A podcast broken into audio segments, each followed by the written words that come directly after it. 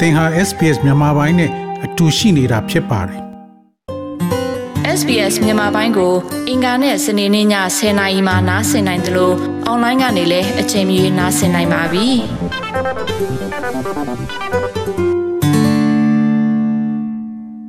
ဒေါက်တာမြင့်ထုတ်ခင်ဗျာကျွန်တော်တို့ SBS Radio မြန်မာပိုင်းစီစဉ်နဲ့အခုလို Omicron နဲ့ပတ်သက်လို့တင်ပြပေးမဲ့အတွက်ကျေးဇူးအများကြီးတင်ပါတယ်ကိုမြင့်ထွန်းအဲ့ဒီကျွန်တော်တို့ဒီ Australia မှာအခုလောလောဆယ်မှာအဆိုးဆုံး COVID-19 မျိုးကွဲကတော့ Omicron လို့သိရပါတယ်ဒီ Omicron ကဘယ်လိုမျိုးဆက်ကွဲမျိုးဆိုတာကိုနည်းနည်းရှင်းပြပေးပါ ဟုတ်ကဲ့ခင်ဗျာကျွန်တော်တို့ Australia မှာပေါ့တကဘာလုံးမှာပေါ့နော်ဒီ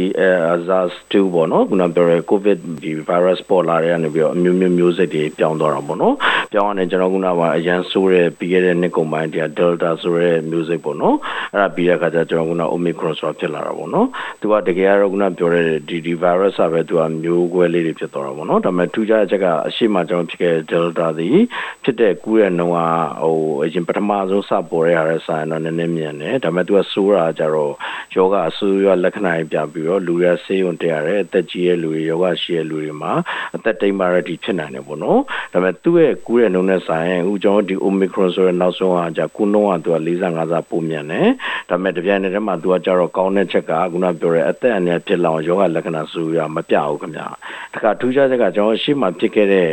Delta T ကခုနပြောအနံ့ပြောက်တာတို့เนาะတခြားလက္ခဏာပြပါတော့ခုနနာစီရချောင်းဆိုတာဒီကျွန်တော် Omicron မှာအဓိကပြတ်နာကြတော့ကျွန်တော်က flu လို့ပေါ့နော်တကွေးဖြစ်တယ်လို့မျိုးဖြစ်ပြီးတော့တိတ်ပြီးတော့လက္ခဏာတွေမထင်ရှားပဲနဲ့ ဖြစ်တော့တော်တော်လုံးဝမသိဘူးပေါ့နော်ဒါကြောင့်မလို့သူကပြန်လာလဲမြန်တယ်သူကိုယ်တိုင်ပြန်နှုံးကလည်းအရမ်းမြန်တယ်ခင်ဗျာ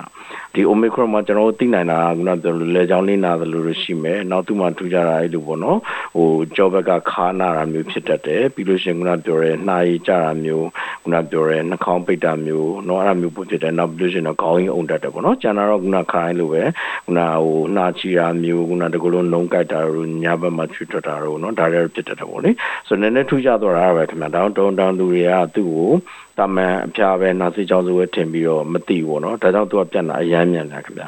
ကောင်းတဲ့ချက်ကတော့ခုနပြောတဲ့ဟိုအသက်အန္တရာယ်ဆုံးပါဒီယောဂလက္ခဏာအရန်ဆိုတဲ့ကြောင့်မဖြစ်ဘူးပေါ့နော်ဟုတ်ကျွန်တော်တို့ဒီ COVID-19 ကစတာဒီတရုတ်ပြည်ကစခဲ့လို့တော်များများသူတို့ပြောကြပါတယ်အခု Omicron ကလည်းကျွန်တော်တို့ဒီ Africa စတယ်ဆိုတာဟုတ်ပါလား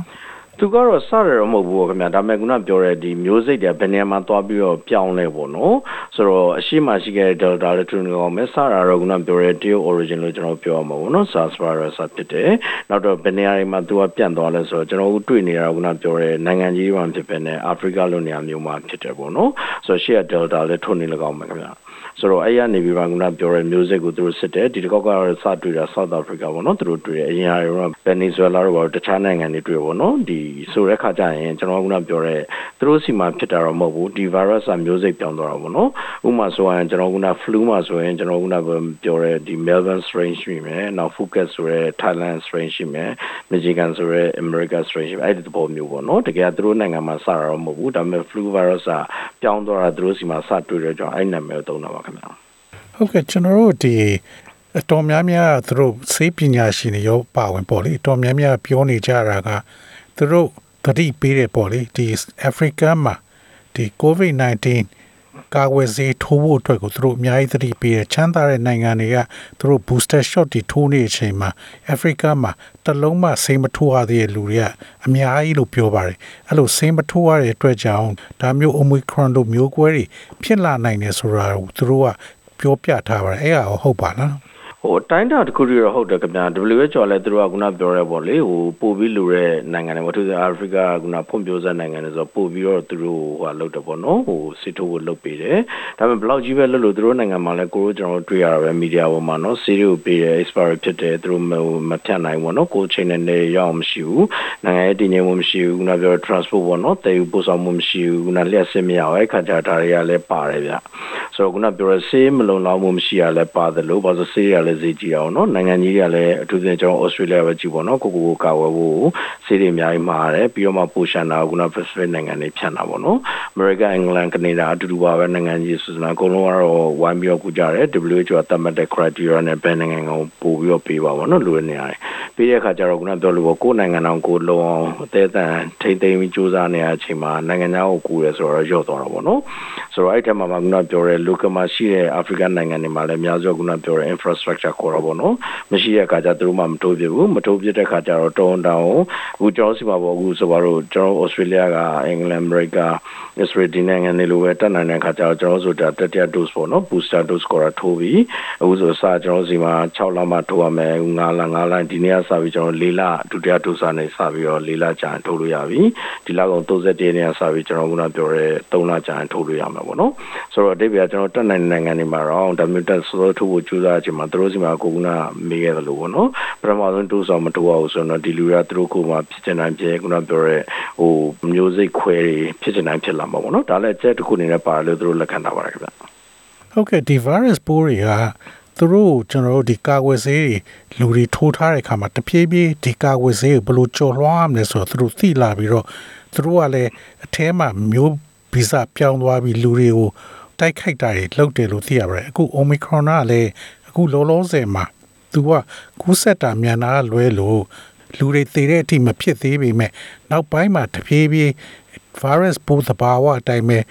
ဗီဇပြောင်းပြီးတော့လူတွေကိုသေတဲ့အထိဖြစ်လာနိုင်မယ်လို့ထင်ပါလား ဒီဟာတော့ကျွန်တော်ကပြောရခက်တယ်ပေါ့နော်ဒီခုနကိုဗစ်ကိုကျွန်တော်စပြီးတော့တွေ့တာပါအလုံးဒီ19ရဆိုတော့တကယ်စဖြစ်တာ2020ပေါ့နော်အဲရစဆိုနှစ်နှစ်ပေါ့ဒီတော့မှကျွန်တော်ကာကွယ်ဆေးထိုးလာတိုးလာပြီကာကွယ်ဆေးရလည်း C virus ပြောင်းတဲ့တိုင်းလက်ပြီးပြောင်းလို့ပြောင်းနိုင်လောက်တာပေါ့နော်သူစဉ်ကျွန်တော်က mRNA correct ကပြောရဲ gene ကိုပြင်ထားတဲ့ကျွန်တော်ကာကွယ်ဆေးပေါ့နော်လောစထိုးနေ Pfizer တို့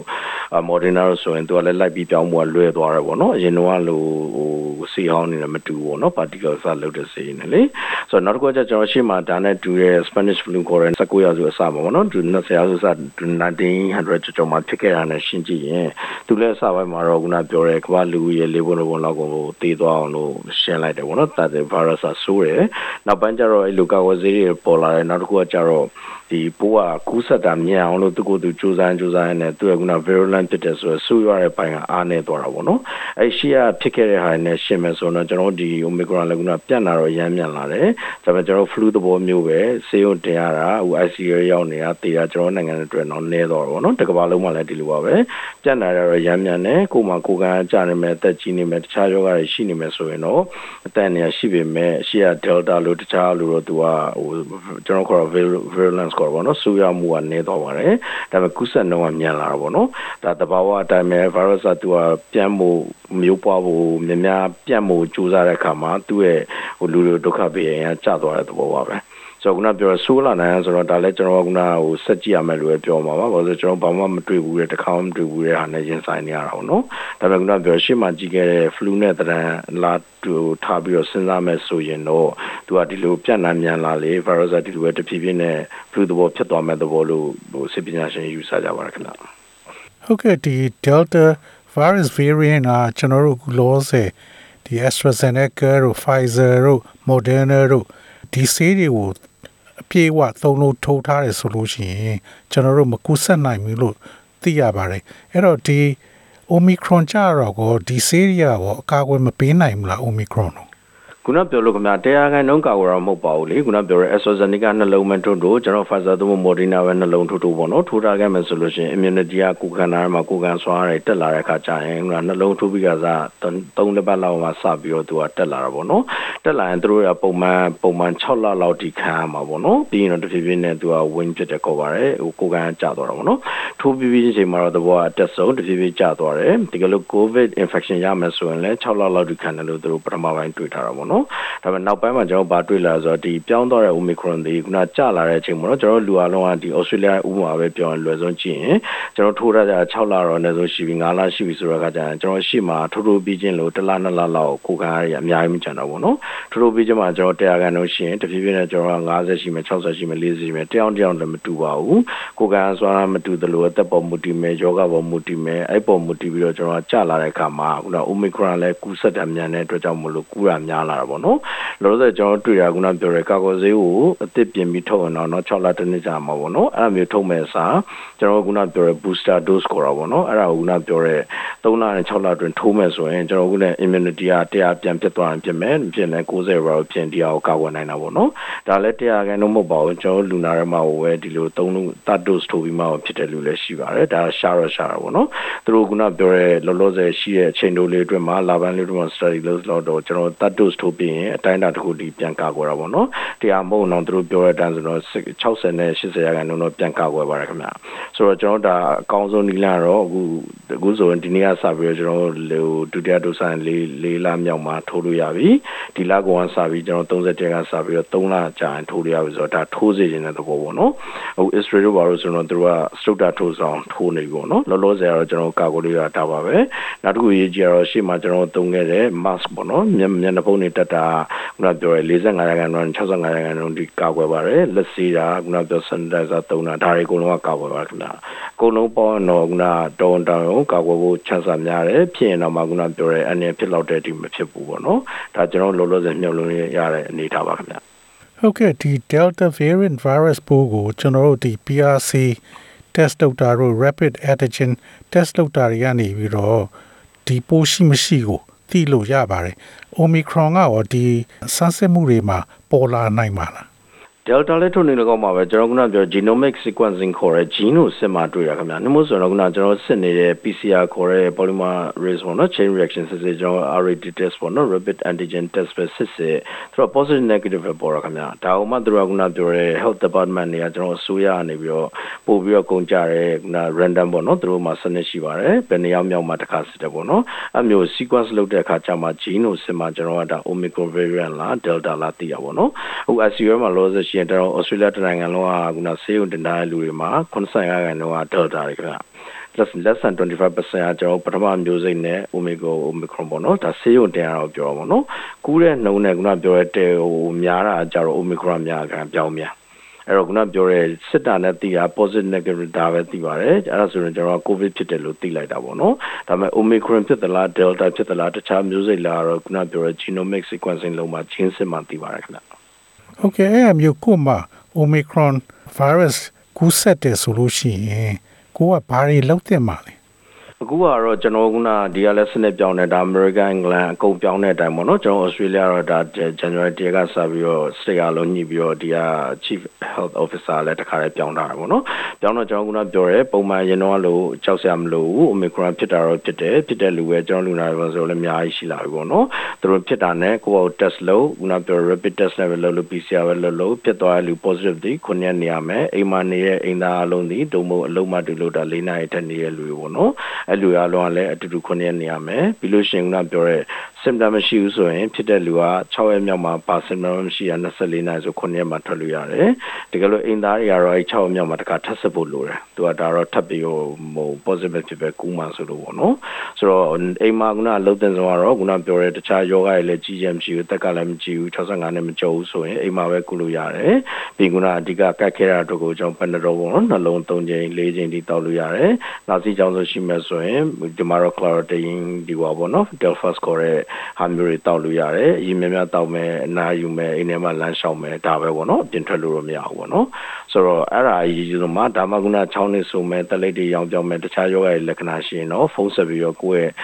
ပြနေကြ GP တို့မျိုးစေုံစေကံကိုမေးလို့ရပါတယ်ခင်ဗျာ ဆိုတော့အခုကတော့ကျွန်တော်ကအသက်ရင်တော့55နှစ်ပေါ့နော်အခုက65နှစ်တိကျွန်တော်အိမ်မှာပဲဒီလို GP ကကုခွင့်ရှိတယ်ဖုန်းပေါ်ကနေကုခွင့်ရှိတယ်လို့သူတို့ပြောင်းလိုက်တာပေါ့နော်နှမို့ဆိုစေဦးနေမှာအရန် clock ကဖြစ်လို့နောက် PCR ခေါ်တဲ့နှာခေါင်းထိုးပြီးစစ်တဲ့အားလည်းခုနပြောလို့ပေါ့နော်လိုမှစစ်ပါမလို့ရင်ခုနအိမ်မှာ rapid test စစ်လို့ရရင်စစ်ပါစစ်လို့မရလို့ရှိရင်လည်း quarantine နေပါသူတို့ကဒါလောလောဆယ်နောက်ဆုံးညွှန်ကြားထားကြတယ်ဟုတ်ကဲ့ကျွန်တော်တို့ဒီ Delta variant COVID-19 ယောဂဖြစ်ပြီးတော့ပျောက်သွားတဲ့လူတစ်ယောက်က6လလောက်သူ့ရဲ့ ဒီ antibodies ပေါ့လေခန္ဓာကိုယ်တွေကကိုခံအားက6လအထိကောင်းပြန်မကူးနိုင်ဘူးပေါ့လေနောက်တစ်ခါဒီ omicron မှာကြာဟောဒါမျိုးဒီတိုင်းပါပဲလားအဲ့ဒါကျွန်တော်ရှိရယုံခဲ့တာပေါ့ခင်ဗျာအဲ့ဒါမျိုးကအခုလောလောဆယ်ခုနရှင်းပြနေရတာပေါ့နော်ကျွန်တော်စူးစမ်းနေတာဒီ6လအထိကျွန်တော်ကပုံမှန် infection ဖြစ်ပြီးကာကွယ်လို့ယူဆပါပေါ့နော်တကယ်အခုသူတို့ကအချိန်ပူပူရလာလေတွေ့လာတာတချို့က3လနဲ့လောက်မှကုန်သွားတယ်ခင်ဗျာ ကျွန်တော်စင်းနှလုံးထိုးပြင်လဲဘယ်ဟာထိုးထိုးပေါ့နော် extra ထိုးထိုးကနာ faza ထိုး modern ထိုးထိုးပုံမှန်6လလောက်ခံမယ်လို့အနည်းဆုံးမျှော်လင့်တာပေါ့နော်တချို့လေမှာ6လနဲ့8လခံမယ်မယ်တချို့မှာ3လလောက်မှမခံဘူးခင်ဗျာဒါတော့ကျွန်တော်ခုနပြောတဲ့ booster dose ကို6လအနေပြီး short လာ9လအခုဒီနေ့ကစပြီး4လဖြစ်တယ်31ရက်ဒီ January စပြီးတော့3လဖြစ်မယ်အဲ့တော့ပြောချင်တာ3လအထိကတော့ကာကွယ်တယ် infection လည်းထုတ်နေကောင်းမှတတ်မှတ်တယ်ခင်ဗျာ ရင်တော့ဆို infection ရပြင် certificate ထုတ်ပြီး6လအတွင်းစီထိုးကြမလို့အခုကတော့3လဆိုသူတို့လည်းထိုးဖို့လိုတယ်ခင်ဗျာအထိပ္ပယ်အတူတူပဲဖြစ်တာပေါ့နော်လောလောဆယ်တတ်မှတ်တဲ့4လဆိုသူတို့လည်း4လမှထိုးရမယ်လို့ခင်ဗျာဆိုတော့ခုနပြောတဲ့6လဆိုရပုံသေးပြောလို့မရတော့ခင်ဗျာဒါကျွန်တော်စစချင်းတွေ့တဲ့အချိန်မှာပြောတာအခုကျတော့အချိန်နဲ့လိုက်ပြီးတော့သူ data လည်းပုံများလာတယ် study လုပ်တဲ့အခါကျတော့3လအထက်မှာစိတ်မချတော့ဘူးဖြစ်သွားတော့เนาะအထူးသဖြင့် omicron ပြန့်နှံ့မြန်တဲ့အခါမှာ3လကျော်ရင်ငကိုရှိရဲ့ immunity ကမကျန်တော့ဘူး ဟုတ်ကဲ့ဒေါက်တာမြင့်တို့ခင်ဗျာအခုလိုပညာပေးရှင်းပြပေးရတဲ့အတွက်ကျေးဇူးအများကြီးတင်ပါတယ်နော်ဟုတ်ကဲ့ပါခင်ဗျာကျေးဇူးတင်ပါတယ်ခင်ဗျာ SBS Radio App ကို download လုပ်ပြီးနားဆင်မှတ်ချက်ပြုနိုင်ပါတယ်။ဒါရိုက်သို့မဟုတ်အချိန်မီနားဆင်နိုင်ပါပြီ။စစ်တမ်းမှာပါဝင်နိုင်သလိုဆက်သွယ်မှုလည်းပြုလုပ်နိုင်ပါတယ်။ Google Play ဒါမှမဟုတ် App Store မှာအခမဲ့ရယူနိုင်ပါပြီ။ SPS